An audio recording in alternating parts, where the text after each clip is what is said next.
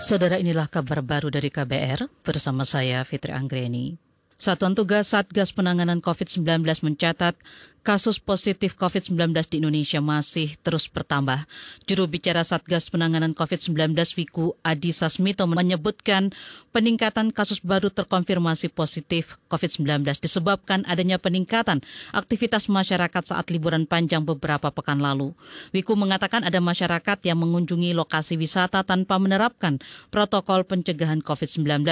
Hal itu berpotensi menciptakan transmisi penularan virus antar manusia kita dihadapkan juga dengan kasus yang semakin lama makin tinggi. Dan hal ini terjadi mungkin karena salah satunya adalah beberapa libur panjang yang baru saja kita alami bersama dan mereka rupanya uh, pergi ke tempat wisata dan mungkin uh, tidak menerapkan protokol kesehatan dengan disiplin dan uh, terlihat uh, akhirnya uh, penyakitnya jadi jadi meningkat drastis di saat-saat ini. Juru bicara Satgas Penanganan COVID-19 Wiku Adhisa Smito juga meminta masyarakat menerapkan protokol kesehatan dengan benar.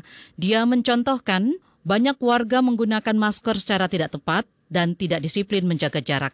Hingga minggu kemarin kasus positif COVID-19 di Indonesia mencapai 194 ribu orang lebih, sebanyak 138 ribu sembuh dan 8 ribu meninggal. Pemerintah Provinsi Banten mulai hari ini memberlakukan pembatasan sosial berskala besar PSBB secara menyeluruh di seluruh kabupaten kota. PSBB diberlakukan selama dua pekan. Gubernur Banten Wahidin Halim mengatakan PSBB diberlakukan setelah mempertimbangkan penambahan kasus positif COVID-19 yang cukup tinggi di provinsi itu. Banten kini masuk wilayah beresiko tinggi COVID-19. Kota Tangerang dan Kabupaten Tangerang kini masuk zona merah, sedangkan enam daerah lainnya masuk zona oranye. Wahidin Halim mengatakan tingginya penularan kasus COVID-19 di wilayahnya karena banyak masyarakat melanggar protokol kesehatan setelah aktivitas dilonggarkan. Saat ini kasus positif di Banten mencapai lebih dari 3.000 orang, sebanyak 2.200 di antaranya sembuh dan 600-an masih dirawat. Kita juga akan ke lantai bursa. Indeks harga saham gabungan IASG pagi ini tertekan. Mengutip data RTI, indeks dibuka di posisi 5.235 dan langsung terjun bebas ke posisi 5.200 melemah 38 poin atau 0,7 persen. Mayoritas saham melemah.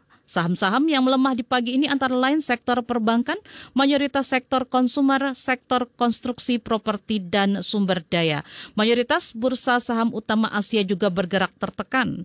Sementara itu mata uang rupiah pagi ini bergerak menguat tipis dan diperdagangkan di posisi 14.738 rupiah per satu dolar Amerika Serikat. Demikian saudara kabar baru dari KBR, saya Fitri Anggreni, salam.